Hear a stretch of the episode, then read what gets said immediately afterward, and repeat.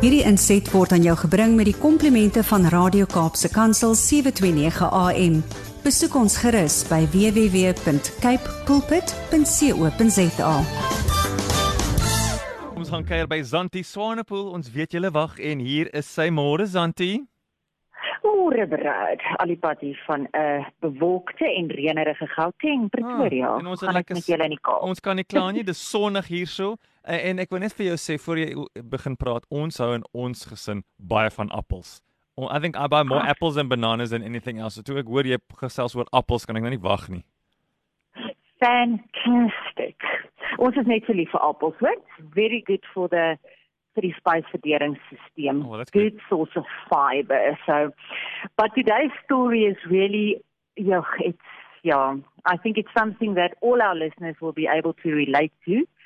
Um ek het baie baie daarmee ge myself daarmee gevereenselwig en ek wil vanoggend vir elke luisteraar bemoedig. En ek wil eintlik baie wo moeilike woorde met julle deel.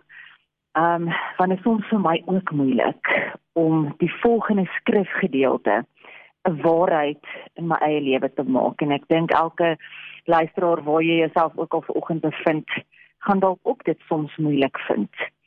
Maar in 1 Thessalonians 5 verse 16 to 18 it says the following. Rejoice always. Not sometimes always. Pray continually, not sometimes, continually. Give thanks in all circumstances, not only the great ones, all circumstances. For this is God's will for you in Christ Jesus. Ons bid so baie keer, maar wat is die wil van die Here? Wat wil die Here hê?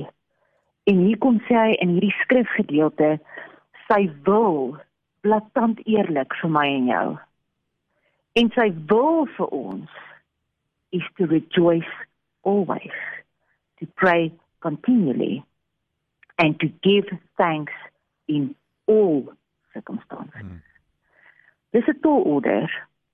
En mag ek en jy vandag regtig daai woorde diep in ons gees laat val. Want vir my is dit maklik om die Here te loof en prys as dit goed gaan.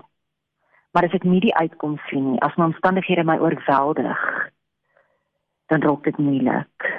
Want ek en jy is mens. En prys die Here dat God gekies het om deur sy seun aarde toe te kom en dat hy self ons belewenis op aarde kon leef. Hmm.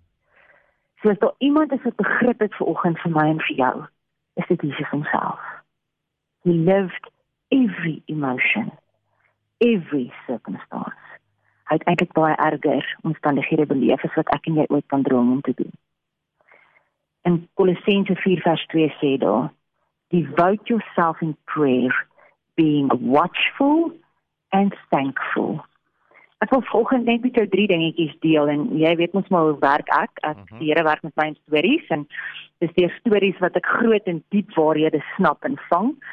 So ek hoop regtig dat jy vanoggend die beginsel van to give joy in all circumstances regtig in jou hart sal vasmaak. En dat gratitude, gratitude is ons heartbeat. As dit nie my en jou hartklop is nie, dan moet ons gaan check hoeveel van God se woord ons in ons wese inlaat. Ek volgens vir jou vertel van 'n hunter that once lost his way deep inside the jungle while chasing a deer. He used all his navigation skills, but neither did he find any way out of the jungle, nor could he find any food to eat for three days at a stretch. He lost all hope and he thought that he would die out of hunger, and that is exactly when an apple tree caught his sight. He was so happy he collected 10 to 20 apples to feed him for the rest of his stretch. As he ate the first apple, his joy knew no bounds, and he just couldn't stop feeling grateful and blessed. He thanked God, he thanked life, he was extremely happy, and he could not believe his good luck when he ate his first apple. But then he was less grateful while having the second apple, and even lesser grateful when he had the fifth apple. Somehow, each passing apple, the joy kept on reducing drastically Hmm. He just could not enjoy that 10th apple. He even started throwing apples away, which were not tasting so good, and started complaining. He had already taken for granted the gift of having found an apple tree in the middle of a forest after three days of wandering with hunger. In economics, this is called the law of diminishing marginal utility. It is actually just the law of diminishing gratitude. In simpler words, taking things for granted, or let's just call it the 10th apple effect. The 10th apple represents our lack of appreciation for the gifts of life. The hunter represents us all, and the apple represents the gift of life that it gives us. A 73 year old man last year in Italy got COVID and he was severely ill. He laid in ICU, and the day he was released, they asked him to pay for the ventilator fee, which was at that time 5,000 euros. He started crying so much that the doctor advised him to not cry over the bill, that they will manage and make a plan for him. But what the old man said made all the doctors cry. Grandpa said, I am not crying because of the money. I have all of it to pay. I'm crying because I've been breathing God's air for 73 years and I've never paid for it. And now it costs 5,000 euros to use a ventilator for a few days. Do you know how much I owe God and I never thank Him for the air I breathe? Hmm. Julle, ons gratitude checklist moet altyd wees. Is dit regtig uit my hart uit dankbaar vir dit wat ek het. Because we grow up ons word groot in 'n wêreld wat sê wat ry jy, wat bly jy en wat kry jy. Hmm.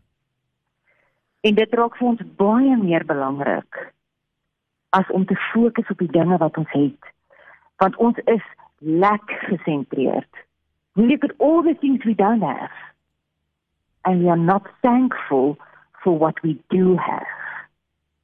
En baie keer Brad is as jy my bel op 'n Woensdag gaan sê vir jy is dan jy kyk net weer se chirpy en sê ek altyd vir jou mm -hmm. because my gratitude list is still longer than the other list. Amen.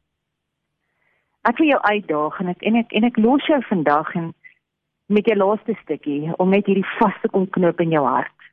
En dan wil ek regtig in 2 sekondes net vir jou bid dat die Here vir ons hierdie hierdie godbewustheid, hierdie bewustheid van wie hy is en wat ons het net sal kom vasmaak en die vyand se hand van dit wat ons nie het nie en dat ons heeltyd op dit wil fokus dat hy daai grip om ons lewe sal kom los.